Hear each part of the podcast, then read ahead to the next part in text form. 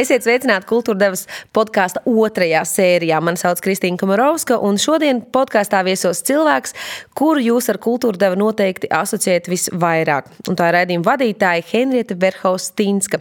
Viņa arī teātra kritiķe, asu prātu un intelektu apveltīta žurnāliste, un cik man ir zināms, arī ārkārtīgi kāra lasītāja.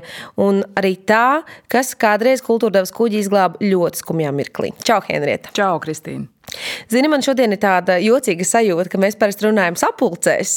Par to, ko mēs darīsim kultūra devā. Zūmā. Zūmā. Bet tagad es tevi redzu, un mēs runāsim viena ar otru. Tas Super. patīkami. Tāds man ir liels gods šodien intervēt pašu Henrietu. Tu atceries pati to brīdi, kad tu pievienojies kultūra devai? Nu, to nevar aizmirst, jo tā sekoja. Šis uzaicinājums uzreiz sekoja ļoti skumjai vēstī par Mārtiņa ķibildu aiziešanu. Pagāja burtiski kaut kādas četras dienas, laikam, un zvanīja Ieva Rozentāla, kultūras redakcijas vadītāja, un teica, nu, principā tas uzstādījums bija, ka ir jāglābj situācija. To es atceros ļoti labi, jo man bija tieši beigušies tāds milzīgais darbu kalns, kas saistījās ar filmu Žagari un vēl da dažādiem projektiem. Un es ļoti labi atceros, ka es Andrejam teicu, nu gan es varēšu atpūsties beidzot. un tad bija šis zvans. Un kaut kā nebija pat tāds baigās laika pārdomāt neko. Es uh, sapratu, Es atceros, tu vēl man zvanīji, ka tikko Mārtiņš aizgāja, un tu vēl zvanīji man un teici, nu, Kristīna, tagad tev būs jāvada kultūra deva. Es teicu, nē, man šeit neviens tev neusticēs, un es pati sev neusticētu, jo, lai vadītu kultūra devu, tev tomēr vajag dzīves laikā uzklāt, uzkrāto pieredzi šajā kultūra laukā. Nē, nu, es domāju, ka, nu, nu, ir liela atšķirība, vai tev ir 25, 30, 45 vai 30 un 40. Ir atšķirība. Tev ir šī desmit gadu pieredze vairāk kā man, un, un, un, un tas arī tev rada par daudz erudītāku vadītāju. Tā tas arī ir. Es atceros to mirkli arī, jā, kad tu teici, ka mums jāatzina, nē, es nekad nevarētu. Bet tev nebija tāda sajūta, ka tu esi atstumta pišķiņa malā. Nē, man nebija tāda sajūta. Man, bija, uh, man, bija, man likās, ka televīzija rīkojas ļoti pareizi, uzaicinot tevi vadīt. Uh, Otrakārt, es tajā brīdī padomāju, ka tu esi nenormāli drosmīga, ka tu esi drusku traka. Tagad es zinu, ka tu esi pavisam traka. Pēc pusotra gada kopā strādājot, ja? nedēļu no nedēļas. Pēc pie pleca. Es domāju, ka esi drus- drusku traka. Man vispār bija, es biju pārlieku emocionāli tajā mirklī, un es arī aizgāju uzreiz atvaļinājumā un atgriezos tikai pēc divām vai trim nedēļām. Atceros, jā. Jo es vispār iekšēji atteicos no kultūra devas. Es uzskatīju, ka kultūra deva ir izgāzies projekts. Jo mums vienreiz cēlā kultūra deva, tad mēs ļoti smagi nonācām līdz tam, ka šis rādījums būs. Un tad nomira vadītājs, ar kuru man izveidojas diezgan ciešas emocionāli labas attiecības, kuras ļoti cienīju vienmēr. Un uh, mēs vēl bijām sarakstījušies pēc atslēgu pēdējā raidījuma ļoti daudz un runājām par kultūra devu un runājām par to, kā balansēt būt gan uh, izklaidējošiem, gan inteliģentiem. Un viņam gribējās, lai mēs esam kā, nu, vēl inteliģentāki. Un es teicu, nē, bet tev jārunā, lai cilvēks saprastu. Un mēs tā kā sastrīdējāmies. Mm. Un, uh, jā, un tikai vakar, mirkli pirms tavas sarunas, uh, sarunas ar tevi, es noskatījos filmu, ko taisīja Agacāna mm, par Mārtiņu. Tas bija tāds emocionāls mirklis. Ne? Jā, viņi tik ātri uztaisīja, un man liekas, tā tiešām ļoti laba filma, kas parāda arī to. Kāpēc Mārtiņš, kurš kļūst slavens kā spēles vai grib būt miljonārs vadītājs, kāpēc viņš tomēr bija daudz, daudz neslīdzinām vairāk kā šovmenis. Viņš tomēr bija urķis pirmām kārtām. Mm. To no viņa var mācīties tikai. Un es tā vakar skatījos to filmu un domāju, kas jūs atšķir, vai ne kā kultūra deva būtu dzīvojis, ja viņš būtu dzīvojis, un kā kultūra deva dzīvo tagad ar tevi. Un, un tas ir baigi interesants temats vienmēr, kas notiek ar raidījumu. Ja viņu vada kāds cits, nu, mēs nedomājam, nezinu, iedomājamies Rubēnu kā vadītāju kultūra devai. Jā, es pilnīgi varu iedomāties Rubēnu kā. Bet tas ir vadītāju. cits raidījums. Tā, tā ir. Tā ir. Viņam arī ir vajadzīga harizma, un, uh, un, un, bet nu, tas būtu cits raidījums. Tā ir. Pilnīgi cits raidījums. Bet es esmu ļoti priecīga, ka tu esi mūsu raidījuma vadītāja. Un uh, divas nedēļas pirms tu sāki vadīt kultūra devu 15. oktobrī, tu viesojies arī par filmu, par žagaru filmu. uh, Pie mums kultūra studijā ar uh, brāli Juri Žagaru un uh, reklamas fragments. No taviem pirmajiem vārdiem kultūra devā vispār. Lai turpinātu sarunu par jauno filmu Žagari, eh, mums studijā pievienojusies arī filmas scenārija autori. Teātris kritiķi un mūsu kolēģe šeit pat eh, Latvijas televīzijas kultūras redakcijā Henrieta Verhofstīnska. Eh, Tas dzeltenais ietvars. Lai cik tas ir iebīgi izklausītos, mm, kas grib, negrib palīdz tagad filmu iepārdot skatītājam, ir gaužais fakts, ka no filmas par diviem brāļiem tā pārtapa par filmu, kurā brālis brāli zaudē. Un Es zinu, ka tas traki izklausīsies, bet es zinu arī, ka Andrejs Traks, radošs būdams, teiktu, neticama radoša veiksme. Cīniski, bet fakts. jo tāda taču nebija iecerta filmu sākot. Mm, filmu sākot, tīri tehniski sākot filmēt, varbūt jau bija. Jo mēs jau zinājām, kad mēs sazvanījāmies ar Jūri par šo ideju. Jūris mums izstāstīja. Patiesībā tu toreiz lietoji tieši tādu teicienu, jums ir jāpasteidzas Jā, es teicu, ja jūs gribat vispār tādu filmu filmēt, eh, tad tā ir jābūt ar eh, lielu Andreja dominanti, tāpēc ka savādāk nav vērts to darīt, un tad jums jāpasteidzas. Nu, lūk, un, eh, un, un tāpēc jau pašu filmu mēs filmējām zinot uh, visu šo, bet tad, kad es to iecerēju, kad man radās šī ideja, ne, tad man bija doma par diviem skaistuļiem, sāncenšiem brāļiem, kas ir tik daudz noteikuši Latvijas kultūras ainavā. Un, manuprāt, viņu dzīves vienmēr ir ritējušas savstarpēji sacenšoties, kurš no viņiem ir krutāks. Tāds fragments eh, no tavas viesošanās kultūrdevas studijā. Vai šī filma nav bijis tavs lielākais patiesībā izaicinājums? Tas bija sarežģītākais darbs. Katrā ziņā es neteiktu, ka, piemēram, filma par Raimondu Pauli ir mazāks izaicinājums, ņemot vērā, ka par viņu ir uzfilmēts uh, desmitiem filmu. Bet uh, katrā ziņā tas bija cilvēciski viss sarežģītākais darbs, jo, jo, jo mēs bijām klāta Andreja dzīves pēdējo mēnesi. Un tāpēc tādā ziņā jā. Kāds bija tās pirmās sarunas, kas tev bija ar, ar otru brāli pēc tam, kad viņš redzēja filmu? Viņam ļoti patika. Jā. Man īstenībā tas daudz nozīmē. Es negribu veidot komplementāru kino, bet man daudz nozīmē, ka varoņi novērtē to, ka filma, kas varbūt arī nav tradicionāla televīzijas formāta filma, ka, ka, ka tā viņus ir uzrunājusi, ka viņi tajā sevi saskata. Un, un katrā ziņā Jurim patika tā filma. Viņam patika tieši tāpēc, ka viņš teica, ka tā nav filma tikai par mani un Andreju. Viņš bija uzķēris to, ko es biju gribējis pateikt, ka tā ir filma vispār par brāļiem. Vispār par brāļiem, māsām, par cilvēkiem, kas mums ir tuvi asins radinieki, par īpašām saitēm, kas mūs saista. To veidojot, es arī domāju par savu brāli un savu māsu. Un, un es domāju, Tu arī, jo tev arī ir māsa, un nu, tas bija tādā ziņā universāls darbs. Tev es skatos, patīk, nu, bet ne tikai par vīriešiem taisīt filmas, arī Paula filmu, kas tik, tikko piedzīvoja pirmizrādi. Arī tajā bija vietas, kur bija jāparaud, un kurā šķietami pats cilvēks runā, un kas nav jādara. Tas mirklis vienkārši tāds mirklis, ko, ko tu noķer, ko tu ieliec īstajā vietā filmā.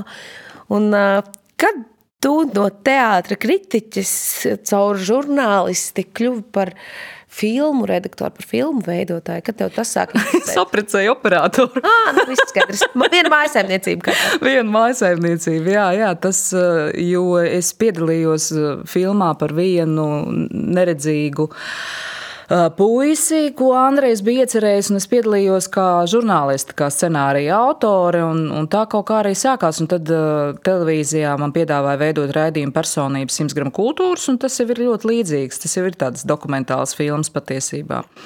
Un tā es arī kļuvu. Jā, bet vispār es esmu lūriķa. Man uh, ļoti nepatīk filmās, jebkā eksponēties pašai. Ir žurnālisti, kur ļoti veiksmīgi to izdara. Ka viņi ieiet kadrā, ka viņi uzdod kadrā arī jautājumus, tādus nerad nekaunīgus un tādus foršus. Man patīk, ka man neredz vispār filmā. Es lūru uz to cilvēku. Es tā kā tāds kaķis uz spēli nosēžos kaktā un skatos un skatos. Tev tagad ir jauns kaķis? Vispār. Man ir. Tev, es gribēju prasīt, jūs redzat to Instagramā. Nu, tā kā redziet, tā podkāstā ļoti normāli parunāts par, eh, par filmām un par kaķi. Tev ir jauns kaķis, jā? Man ir jauns kaķis, bet viņa vēl nav adaptējusies. Mēs viņu nosaucam par košku. Turklāt mums ir koška mājās, un viņa pārsvarā šorīt sēž zem vannas. Ah, nu tas, es domāju, kāds piecas dienu jautājums, un tad jau, tad jau tiksiet. Šodien ir piektā diena. es, es, man bija piecu dienu jautājums, bet nu, par to mēs varam parunāt arī pēc podkāsta. Jā, es arī kā, kā tavu producentu, kā tavu redaktoru zinu, un tu pati pieskāries iepriekšējā atbildē tam, ka tu negribi veidot komplementāru komplementāru filmu, bet tāpat laikā es atceros, ka sākumā mums ar tevi tā sarunas bija par to, ka es teicu, Henri, tu par daudz komplimentē tam cilvēkam, un es pati zinu, jā, man ir. Kā mājā moliņa, kur man vienmēr jūs sākuma, jā, jā, jāļauj tev nocēt, ka nu, tā jau ir tā tehnika, ka tu saproti, ka tu esi man labākā draudzene, es tevi mīlu, tagad tu vari uzticēties, un tagad tu ar mani runās. Es jau to pati arī saprotu. Bet kā, kā tu domā? Tas, cit, tas jautājums man ir cits, jo to pašu arī runāja Andis Sīls filmā par Mārtiņu Čibildu. Viņš gan runāja par to, pieminot arhitektūru, ka proti arhitektūrā, kultūrā vispār ir par maz kritikas. Mēs visu gribam tikai komplementāri teikt, tikai labu vai neteikt vispār. Nu, redz, tam es nevaru piekrist, tāpēc, ka es nodarbojos vairāk kā 25 gadus ar kritizēšanu, un, un īstenībā tā ir daļa, kas man ļoti pietrūkst dzīvē šobrīd, jo teātra kritika, protams, prasa ārkārtīgi iedziļināšanos, tā prasa daudz izlasīt, daudz apgūt, un, un šis process man īstenībā pietrūkst, bet uh, es to kaut kā nevaru atsākt, jo tas prasa ļoti daudz laika par ļoti minimālu maksu. un, uh, bet es, jā, es uh, nodarbojos tieši ar to, iedzīvojos arī daudzos. Man ir bijis gadījums, kad man Alfs Hermans nelaiž teātrī, un, un iedzīvojos vēl vairākos nedraugos, kas, protams, pārvērtās par labākiem draugiem brīdī, kad uzrakstā kaut kādu pozitīvu recenziju. Tā kā man ar to nav problēma, bet kultūra devas. Eh, ne... Bet es runāju vispār, teiksim, kultūra laukā. Un es arī pati godīgi varu pateikt, nu, piemēram, arī ir, ir kaut, kāds, kaut kāda vieta, kur varētu braukt kultūra andiņā. Bet es jau redzu, ka es varu pateikt tikai sliktu. Un ir bijušas lietas, kur mēs kultūra andiņā esam bijuši, un kaut kas, kas, manuprāt, nav augstā labā mākslinieckā kvalitātē. Un režisors izdomā to izņemt ārā. Un tad ir jautājums, vai tev, kā raidījuma vadītājai, un man, kā rubrikas vadītājai, ir tiesības kritizēt vai nav? Nē, protams, ka ir tiesības kritizēt, protams. Un es domāju, ka ik pa laikam kaut kāds provokatīvāks jautājums izskan arī kultūra devā, bet vienkārši provocēt provokācijas dēļ, Nē, tas atkal nav tas. Bet, protams, ka ir, ja ir kaut kas kritisks, ko pateikt, tad ir arī jāsaka, jo, protams, tad kolektīva korija jūsmošana nu, nav nekas baigi interesants ilgtermiņā. Tas bija arī raidījumā par Dāci Pūci. Man ļoti patika, kā viņa atnāca. Viņa bija sapratusi, ne, nu, ka viņai nepatīk, viņa varēja nokritizēt, bet viņa tik ļoti pārdzīvoja, ka viņa kritizēs. Un tas man likās tā, nu jā, man arī patīk, protams, ka man glauda pa spalvai, bet, nu, atvainojos, nu, ne jau visi raidījumi, ne jau viss ir vienmēr bijis tik izcili, un kritika man palīdz augt.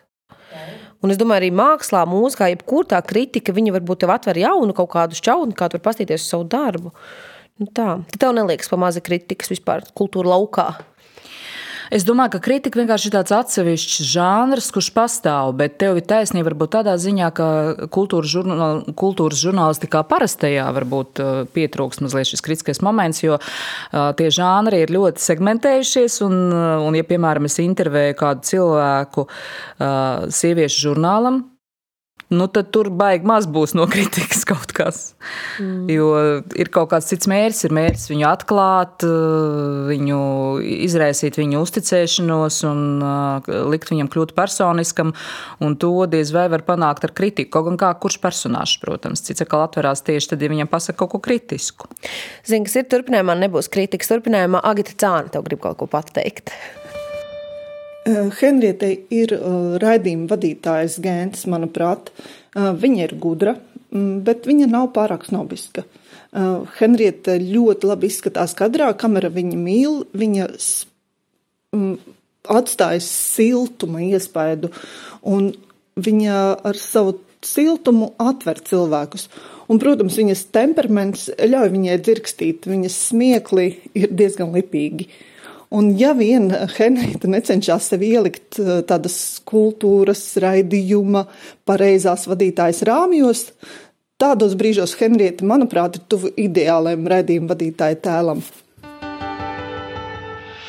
No, Henrika. Nu, tie rāmi dažkārt palīdz. Zini, kā mēs visi esam saskārušies gan ar izdegšanas sindromu, gan ar uh, dažādām mentālām problēmām. Tā, tas notiek šajā, šajā darbā, šajā vidē, kas prasa ļoti lielu emocionālu iesaisti. Un, un arī jāsaka, gadsimtā vispār. Un arī gadsimtā, un arī nemaz nerunāsim par šo konkrēto pēdējo laiku. Tad uh, tie rāmji ir tas, es saprotu, kā Agita grib teikt, bet tie rāmji ir tas, kas palīdz noturēties brīdī, kad tu galīgi jau esi izbēsījies un neko it kā nevari. Tad tev ir tie rāmji, tu iet tajos rāmjos, un tu tomēr izdarīsi. Tas nebūs tik dzirkstoši, tas nebūs tik brīvi, bet tas būs izdarīts. Tā ir. Tur runāja par izdegšanu. Es zinu, ka tu kultūra deva turpināja vadīt un bija kadrā, tad, kad tev pavisam dzīvē nebija viegli mirkļi ar, ar, ar, ar taviem vecākiem, kā jau, kā jau mēdz būt dzīvē. Kas tev tādos mirkļos, tajā pilnīgā tumsā palīdz izkārpīties, un tomēr nosāt, nostāties un nosēsties tajā Baltijā studijā un novadīt to raidījumu? Nu, mēs esam par to ar tevi runājuši. Darbs palīdz. Darbs reāli palīdz. Tad, kad tu pieslēdzies, tad, kad tu piesēdies pie tā scenārija, kuru brīnišķīgie producenti ir sastrādājuši, un tad uh, tu ej cauri tiem linkiem, cauri to cilvēku dzīvē un daļradē, un klausies viņu mūziku un lasi grāmatas, un tas kaut kā ļoti palīdz. Cik tev laika aizņem gatavošanās kultūras raidījumam? Tas man liekas, ir interesants jautājums, kas varētu klausītājiem interesēt. Nu, tādas pilnas divas dienas, pilnas, bet nu, es to izretinu, protams, pa to nedēļu. Bet nu, pilnas divas dienas tas ir noteikti. Jā, tikai dzīvojot viņu stāstos, viņu biogrāfijās, mākslas darbos un tā tālāk. Jo nu, kultūra tēva nav gluži tāds raidījums, kur tu vari iepazīties ar tikai sausiem faktiem par lietām. Vai kur tu vari nākt kā balta lapa. Es, starp citu, klausījos podkāstu Zaļgāvis, kur bija Uģis Olte. Uh, režisors šī raidījuma, un viņš teica, ka viņam patīk vadītāji, kuri atnāk kā balta lapa, jo tad tas skatītājs uzzina līdz ar šo vadītāju visu kaut ko. Bet es domāju, ka kultūra deva nav tas žanrs, kurš Es domāju, ka viņš runā pats lapa. pretī sev. Tāpēc, kad raidījumā par Mārtiņu Čibildu viņš saka, ka viņā visvairāk fascinēja tas, kā Mārtiņš Čibilds spēja pārsagatavoties par visu, un mēs zinām, ka viņš var iemācīties visu no galvas. Vai ne? Hm. Es nezinu, varbūt kā kurā brīdī, nu, arī par podkāstiem. Jau tuliņā, tuliņā raidījumā kultūra deva, kurš vēl nav iznācis, bet iznāks nākamnedēļ. Mēs runāsim par podkāstu tēmu pareizi, un, un, un podkāsti ir ļoti dažādi. Un ir ļoti dažādi žāni, un katrs var taisīt kā grib. Vairāk profesionāls, mazāk profesionāls. Pārsvarā tie, ko es klausos, tie ir sagatavoti. Tie ir tādi pilnvērtīgi raidījumi, var teikt. Atceries, mums, kad mēs sākām kultūru devu ar tevi, mm, bija pilnīgi cita rādījuma struktūra. Bija notikuši septiņi rādījumi ar uh, Mārtiņu. Kopumā kultūra devā nu, ir aizvērtējuši 60 raidījumi. Henriks tev apsveica, jo 53 ir tavēji. Apviļ 53 ir samontēti un aiz muguras. Un uh, toreiz, kad mēs sākām, mums bija pilnīgi cita struktūra, pilnīgi citas rubrikas, uh, pilnīgi cita sajūta. Un es nebiju noskatījusies vecās kultūra devas. Bet es vakar sāku skatīties vecās kultūra devas un domāju, kā mēs esam mainījušies. Un, Un tagad, ja jāatskatās uz tiem 53 tevis vadītiem raidījumiem, kuras ir tās intervijas, kas tev visvairāk ir iespiedušās atmiņā, kur cilvēki atstājuši vislielāko iespaidu? Kā pirmo es varētu nosaukt Marinu Rebeku, jo Marina bija ļoti atklāta. Tajā brīdī notika liels perturbācijas Latvijas Nacionālajā operā. Jaunais direktors, kā jau jauna slota, bija tīri slaucījis, un ne visi viņa lēmumi bija Marinai patikuši, un viņa ļoti atklāti par to runāja. Tas bija viens, un otrs, tajā pašā sarunā, kurā viņa runāja tādas nopietnas kultūra politiskas lietas, viņa arī izstāstīja daudz uh, fifīgus atgadījumus no operas dzīves uh, par neatvērtiem priekškariem un, un, un tam līdzīgi. Un, un man fascinēja jā, tā amplitūda. Es gan atceros, ka tev nabagam nācās ārkārtīgi viņu īsināt. Man, man zina, kas sāpēja. Man sāpēja tikai tas, ka man ir jāīsina. Tāpēc, ka man gribējās atstāt gan šīs perturbācijas, kā tu saki, visu to dūlumu, kas notika operā, tajā brīdī, pret, pret kuru bija Marina Rebeka. Un, un arī visas šīs sambrāžas, kas tiešām notiek operā, jo liekas, ka nu, opera nu, tā ir tāda zelta vieta, kurā nekad nekas nenoiet greizi. Bet, ziniet, noiet greizi. Un, Henrieta, es esmu sagatavojis fragmentu, kurā viņi izstāsta tieši visu, kas tieši vienā izrādē tieši var noiet pavisam greizi. Tev arī ir bijusi tāda situācija, ka tu jau stāvi pie skatuves un tu nezini, kurš būs tavs partneris. Mm -hmm. Tas bija Metropolitāna operā. Negluži, ka es nezinu. Es zinu, ka mans partneris būs nevar vaina. iznākt. Ah. Viņš piecas minūtes pirms iznākšanas, viņš, eh, es nezinu, kas viņam notika, balss nav. Es zinu, kurš ir tas otrs tenors, bet es ar viņu nekad neesmu dziedājusi šajā iestudējumā. Tas nozīmē, ka, ja tev, piemēram, ir mīlas aina ar šo cilvēku, tu pat nezini, ar kuru tev nāksies skūpstīties uz skatuves. Nē, tu zini, ar kuru, bet vienkārši... bet tu nekad to neesi darījusi. Nu, Pirms, jā, jā, ar šo konkrēto jā. cilvēku. Tev pašai arī ir tāda dublante, kas.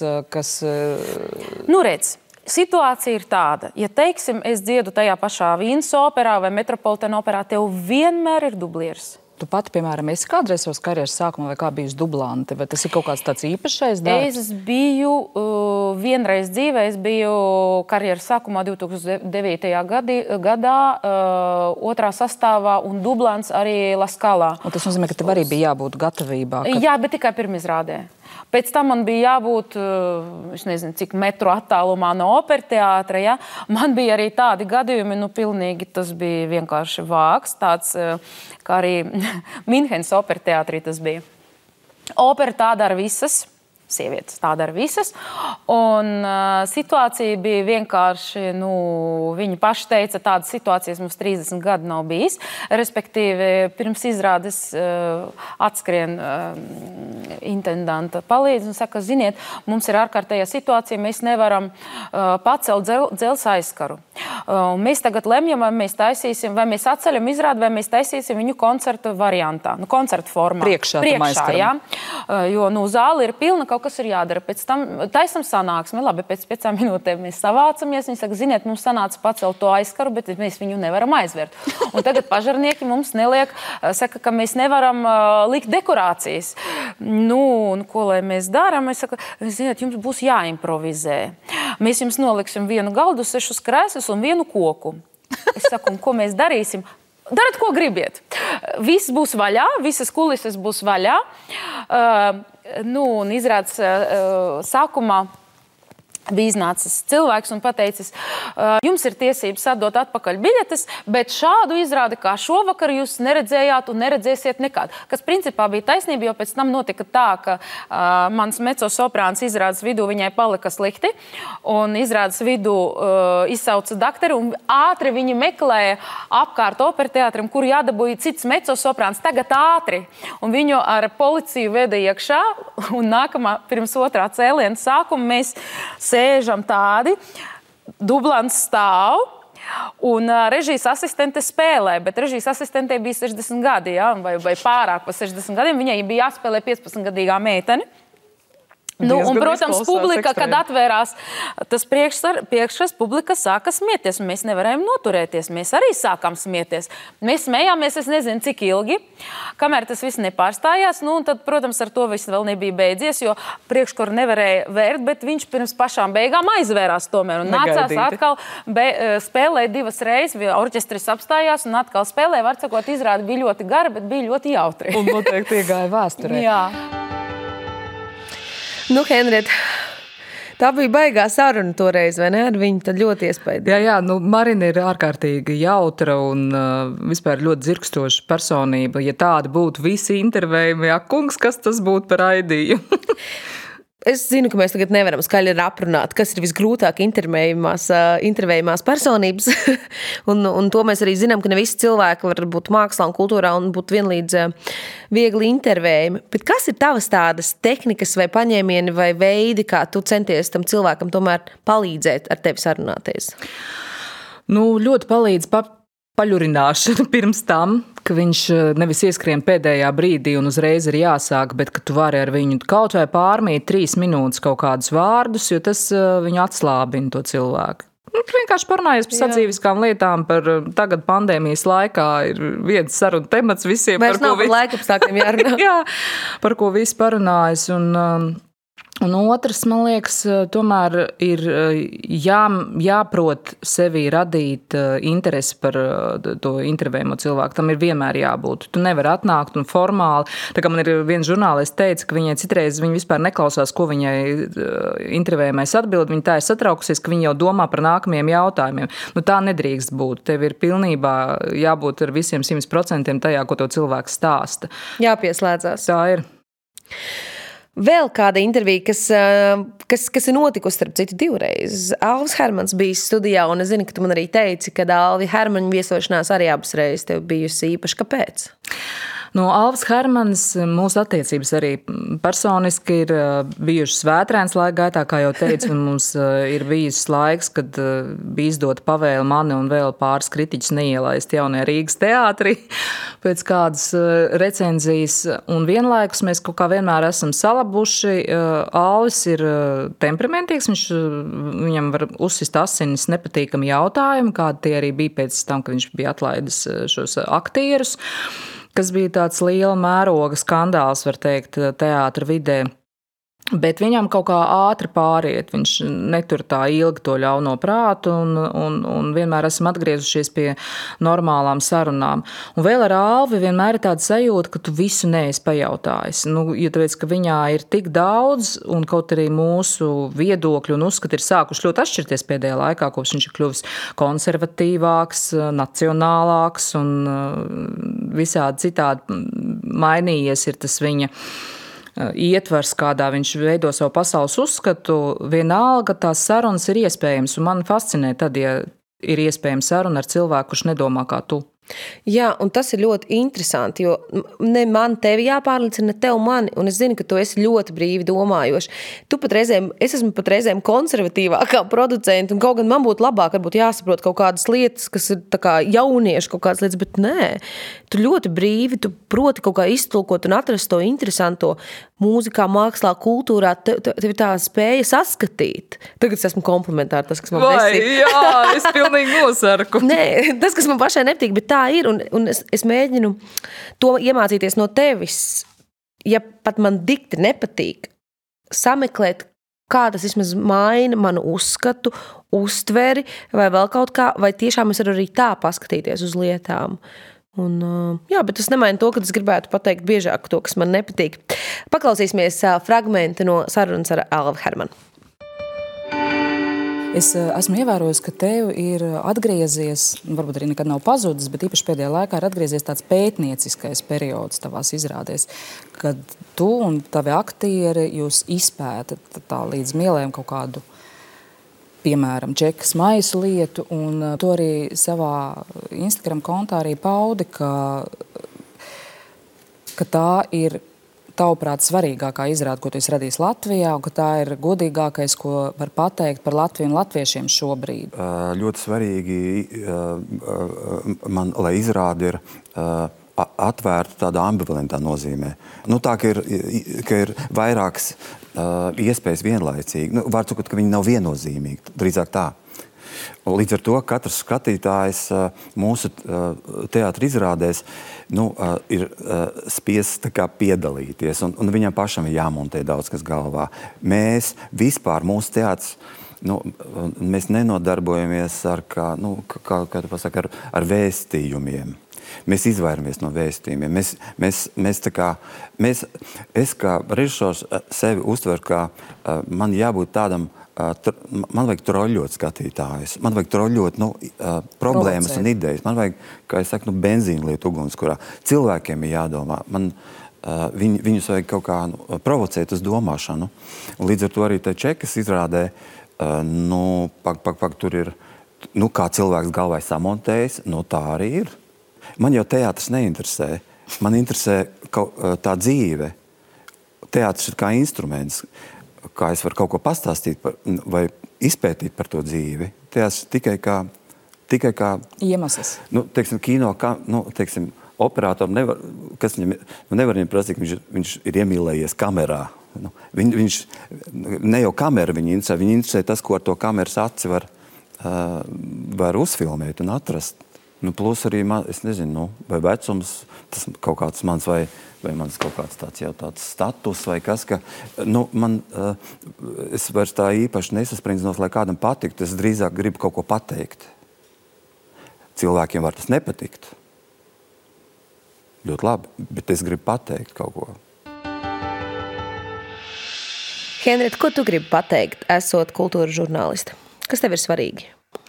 Es gribu pateikt, ka bez tās realitātes, kas mūs dažkārt nospiež, bez sadzīviskās realitātes, um, kura mēdz būt arī nepievilcīga, um, visādas problēmas, kas mums jārisina, rēķini, kas ir jāmaksā, ka bez šīs realitātes ir vēl kāda, un to rada māksla un kultūra. Un tā ir mana visdziļākā pārliecība. Man bez tās būtu neiespējami dzīvot, tāpēc šis laiks ir tik ļoti grūts. Un to es arī gribu pateikt. Jā, es tev piekrītu. Um, tu esi teātris kritiķis, un tagad jāsaka, godīgi, nu, teātris baigi ilgi ciet.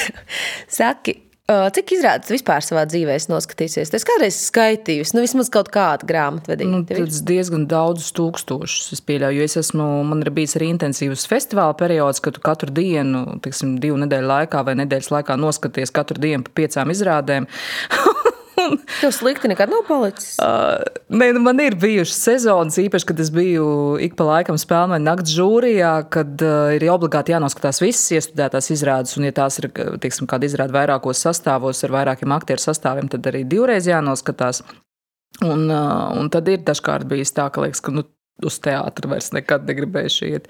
Bet tagad man tik ļoti pietrūkst, pilnīgi, nu, pilnīgi acīs cērt, nu, tik ārkārtīgi gribas to dzīvo teātri, jo tās tiešsaistes izrādes, ko var noskatīties, es pat esmu raidījuma cikla teātris zipredaktori. Tas ir ļoti labi, ka mēs rādām šīs izrādes un cilvēkiem ir iespēja skatīties, un viņi arī to novērtē un raksta pateicības pilnas vēstules, bet tas tomēr nav dzīvais teātris. Nu, nav gan, jā. Un tagad uh, mums ļoti daudz, gan tev, gan man, gan arī Kasparam, sanāk lasīt grāmatas, klausīties dažādus albumus. Ko vēl mēs darām? Mēs klausāmies albumus, mēs uh, lasām grāmatas, mēs ejam virtuālajos muzejos un skatāmies. Uh, klausāmies arī tiešsaistes koncertus. Es vismaz koncerts kaut kā es klausos tas vairāk uzrunā nekā teātris izrādes, kas ir ierakstītas. Varbūt tāpēc, ka tas man ir darbs arī. Es atkal ļoti daudz nodarbojos ar visu kultūras personību, sociālo tīklu stalkošanu, dažādu kultūras mājaslapu, rakstu lasīšanu. Un ļoti pietrūkst tās iedvesmas, kas nāk no tās dzīvās kultūras. Tā ir. Kā Tūlīt būs gads, Henrieta, kā kultūra deva rodas no nekā. Nu, kā, kaut kas notiek, bet Nu, bija viens brīdis, rudenī, kad bija. Es atceros, es biju uz izrādi ārsts un nu, kai, kaifoju, vairāk, kaifoju no tās sajūtas. Ļoti labi atceros to, ka nu, ir tas īstais, īstais dzīvais teātris. Un, un man, jā. Es vēl biju kultūra randiņā pēdējā izrāde, notika Valmīras teātrī pēdējā jā, diena, pēdējā jā, izrāde. Jā, jā. Bet es tajā brīdī, kad tie trīs mēneši bija ļoti intensīvi, gāja visur, bet tā, ka man nebija laika vispār nekādai dzīvē, es tikai skrēju apkārt, un, un tās slāpes bija lielas.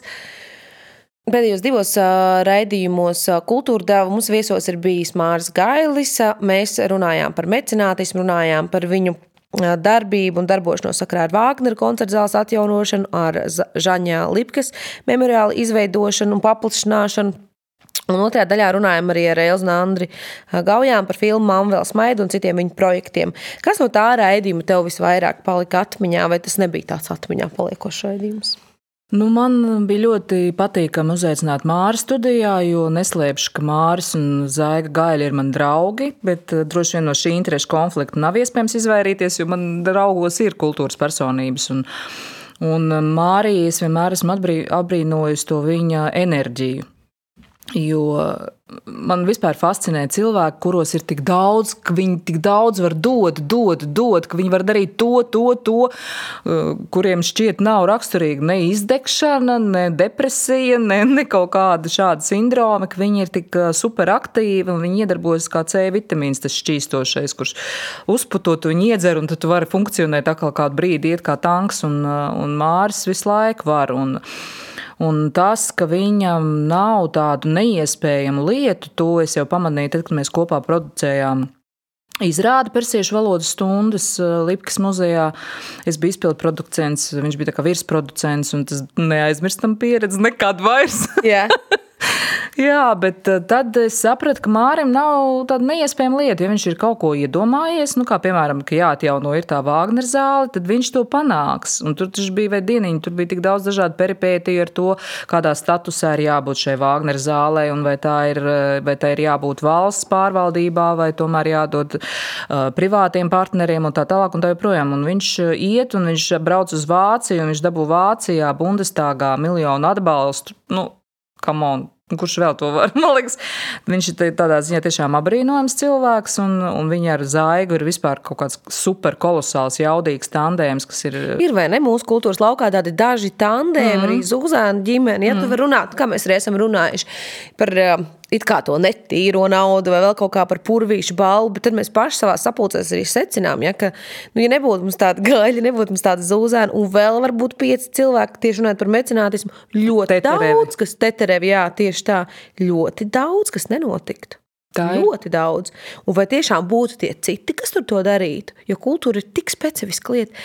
Tu tik nejūtami gūsti to atpakaļsaiti, man liekas. Un tā atpakaļsaite pašā ir emocionāls piepildījums. Nu, tie ir cilvēki, kuri mm, ir līdzīgs uzskats, kā es paudu pirms brīža, ka bez kultūras un mākslas dzīve būtu daudz, daudz pliekanāka un garlaicīgāka. Un, un es vispār nespēju iztēloties, kā dzīvo cilvēki, kuri nebauda neko no mākslas un kultūras, vai tāda vispār eksistē. Eksistē. eksistē, nopietni eksistē. Nu, varbūt, bet man ir grūti iztēloties, kā, ar ko ir piepildīts viņu dienas. Kaut gan, nu, es Ar akciju tirgiem, ar interesēm par sportu, ar ļoti daudz ko. Un tas ir mūsu burbulis, Henrieta, kurā mēs dzīvojam. Tas ir tāds mazs burbulis. Jo tiklīdz saskaros ar kādu citu burbuli, man reizēm liekas, ka man vispār nav par ko runāt. Kad es esmu, ne, nu, ka es neesmu gudra, kad es neesmu inteliģenta, nu, ka es nezinu. Es tev nevaru pārspēst neko par akcijām. Es tev neko nevaru izstāstīt par sportismu, par, uh, par, par kaut kādām specifiskām nozarēm. Un tie ir miljoniem burbuļi. Jā, bet Un ļoti tikai, un daudz no liekas, šiem ka kultūra ir tā, kas iedvesmo. Es zinu cilvēkus, kurus iedvesmo šachs nenormāli. Bet ļoti bieži tas šahisti tomēr ir arī ļoti kultūrāli un uh, iet uz uh, akadēmiskās mūzikas koncertiem un, un, un lasa grāmatas. Tā kā, nu, nav tā, ka viņi tikai. Es citu skaties Queen Gambit. Protams, sen jau. jā, un, jā. uh, Un, un, un, uh, jā, un tas, ka viņi lasīja to šahistu biogrāfijas, nu tā tad viņi arī tomēr pieskarās kultūrai. Nu, jā, tā ir. Vēl viens rādījums, kas notika pagājušajā nedēļā, mm, bija rādījums, kurā viesos bija mikrofona ieraksta viena no dibinātājām un Latvijas mūzikas ierakstu gada balvu zelta mikrofons organizētāja Elita Milgrāve, un kā arī reperis Ansis, kurš nominēts šai balvai gan hip-hop, gan funk mūzikas kategorijā. Vēl studijā runājāt par laikmatīgo deju, viesos bija Olga Žluhina un Valērijas Oļehno. Arī ļoti specifisks raidījums, vai ne? Mēs baigi daudz runājām sapulcē par to raidījumu. Kā tev ir katrā raidījumā iedziļināties tik daudzos dažādos cilvēkos un atrast to? Tas ir pats interesantākais, kas var būt. Tas pat ir uh, interesantāk dažkārt nekā pat tā saruna. Jo saruna tev ir jāvada, tev ir jārēķinās ar chronometrāžu, tev ir jārēķinās ar sižetiem. Un, uh, bet savukārt, gatavojoties, tu tur vari safantazēt, sazini, ko, un tu tik daudz uzzini un tik daudz noklausies. Un, uh, un citreiz tev aizķerās pilnīgi negaidītas lietas. Un, piemēram, Olga Žitluhins pijama dance ko viņa piekopja, kur viņa pilnīgi psiha. Iet blasām kājām, sniegā, pilsētā un danco, uzlikusi savu telefonu. Un, un viņa to dara katru dienu, nu jau gandrīz gadu. Nu, ne tikai sniegā, viņa arī mājās dejo, bet nu, katru dienu viņai ir šis uh, viens pijama dance video, uh, divu minūšu. Un, un man liekas, tas ir pirmkārt tā apņēmība. Tad cilvēks uzliek šo šādu mērķi, viņš to arī piepilda. Man liekas, tas ir apbrīnojami. Un no tā varbūt dažkārt arī rodas tas mazliet komplementārais stils, ka ļoti daudz no tiem cilvēkiem es tiešām no sirds apbrīnoju, kur nāk. Par to, ka viņi vispār atnāk. Zākstos. Jā, par to arī. Jo vilkties kā uz zaķu salu nav nemaz tik vienkārši sniegotā laikā. Un pandēmijas laikā. Nē, nu, zini, es pateikšu to godīgi. Nu, nevienu reizi nav bijis tā, ka kāds teikt, ne pie Henrietas neiešu. Nu, tad, kad es zvanu viesiem un saku, par ko mēs runāsim un, un kāpēc mēs aicinām, nu, neviens nav teicis, nē, ne pie Henrietas neiešu. Bet tā bija gan ar iepriekšējo vadītāju. Tā kā redzi, tas ir ļoti tā, tev ir. Um, jānebaidās, jānebaidās. Nedrīkst baidīties tev, tev, tev no tā vadītāja, vai ne? Lai tu varētu ar viņu sarunāties, lai tev viņš nebūtu bīstams. Vai, piemēram, es nezinu, cik daudz cilvēku skriež steciņiem, lido pie Gundara Rēdera šobrīd. Nu tā.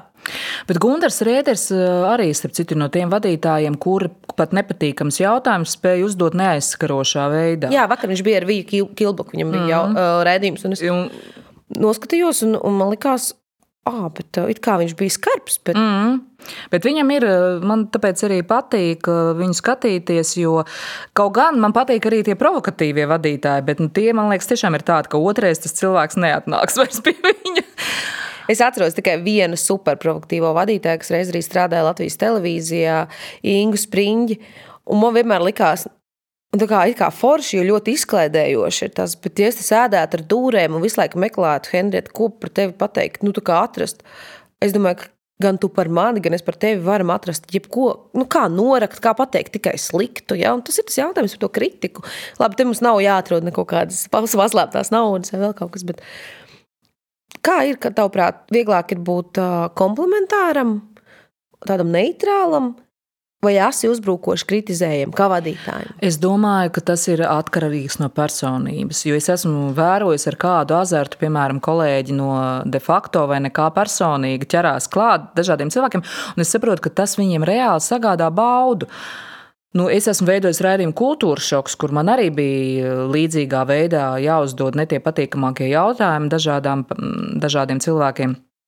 Es nevaru teikt, ka man sagādāja baudu šajā raidījumā tieši tas, ka tu nodari kādam cilvēkam to, ka viņam ir grūti atbildēt, ka viņam ir nērti, ka viņam ir neforši. Bail. Ka viņam ir bail, jā. Tas nebija tas, kas man patika. Man patika analīze, man patika atrast to sakni, kāpēc kaut kas nav kārtībā, vispār savilkt kaut kādas kopsakarības. Tas man patika tajā raidījumā, to veidojot. Bet, bet tieši tas, ka cilvēki ieraugot mani, grib labāk aizbēgt, tas man nesagādāja prieku. Kaut gan savu kolēģu veikumā dažkārt Kāneta Bērtula nesās pakaļ pa trepēm saimas tur deputātam. Es redzu, ka viņai ir reāls azarts no tā. Nu, tā tad vienkārši cilvēki ir dažādi, arī vadītāji ir dažādi. Kā jau mēs runājām, kultūra ļoti daudz ir mainījusies, bet 2% nemainīgi. Tāpēc arī Kasparam Zaviļēskim tev ir ko teikt. Henrieta. Mm, zinoša, attraktīva, jautra, ieinteresēta, forša. Prieks ar viņu sastrādāties. Un, laikam jau viņas lielākā firmas zīme ir slavenie Henrietas smiekli. Bet tas kā reiz ir tas akcents, tā rozīnīte, kas piedod šīm kultūrdevas sarunām, to īsteno garšu. Un, protams, ir prieks strādāt ar raidījumu vadītāju, kurš pats ļoti labi var sagatavoties intervijai, sekot līdzi sarunai un kuram tu vari palīdzēt, norādot uh, tēmas, virzienu, varbūt uh, konkrēto sarunu epizodu garumu, bet ar kuru ir patiesībā viegli. Nav jāsaka, priekšā ir, ir vienkārši forši piedalīties tajā kopīgi. Nu, kaut kā tā. Henrieta nepazaudē to savu enerģiju un uh, to smiekliņu, jo Tas, man liekas, jau ir kultūra trends Latvijā. Un uh, būdams arī DJs, radio DJs, um, veltu tev dziesmu, kas, kā zināms, tapusi kādu laiciņu atpakaļ kultūra deva studijā, kad uh, tur viesojās Jūras Kaukuls ar Kasparu Topiju. Hen, hen, hen, hen, hen, Henriete, ziedu sarietusi, gaida, gaida, gaida, pilna, pilna mēnestīņa. Hen, hen, hen, hen, hen, Henriete. Cik forši! Es esmu iekļuvusi dziesmā! Labi, ka nevar redzēt, ka es esmu nosarkusi divi tādi kungi, Kaspars Zivļēskis un Juris Kaukulis, un, uh, un vēl dziesmā iekļūs un vēl noķiķinājos, bet uh, patiesībā noslēpums ir tāds, ka man tiešām ļoti patīk šis darbs.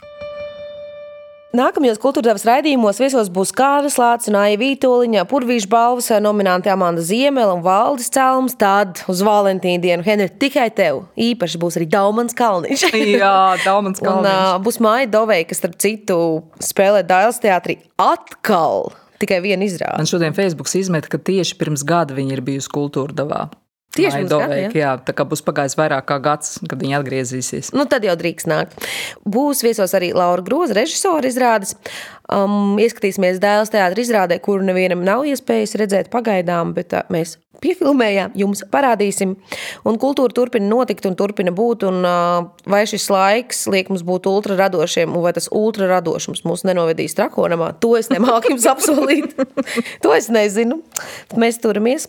Un tas, kas jums ir jādara, lai mūs atbalstītu, ir jāspiež follow, subscribe, share laiku un viss pārējais. Mēs priecāsimies, ja šis saturs arī jums kaut kādā veidā pavērs pavisam citu skatījumu uz rādījumu kultūra devu, uz kultūra norisēm un cilvēkiem, kas veido kultūru vidi. Henrieta, kāds ir tavs novēlējums klausītājiem? Lasiet, skatieties, dzīvojiet vēl kaut kur citur, ne tikai savā sadzīvē. Un tad, man liekas, jūs būsiet laimīgāki. Un tagad nobeigumā mēs noteikti ieteiksim kalendārs mani sauc. Ja?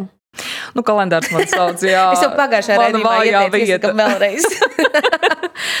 kalendārs man sauc, un šobrīd es, starp citu, lasu Sandra Veronēzi pārsvar, pārmaiņas pēc nevis latviešu autora, bet itāļu autors Kolibri. Arī ļoti laba grāmata. Iesaku arī to. Paldies, tev, Henrieta Mīļš, par sarunu. Atā! Atā!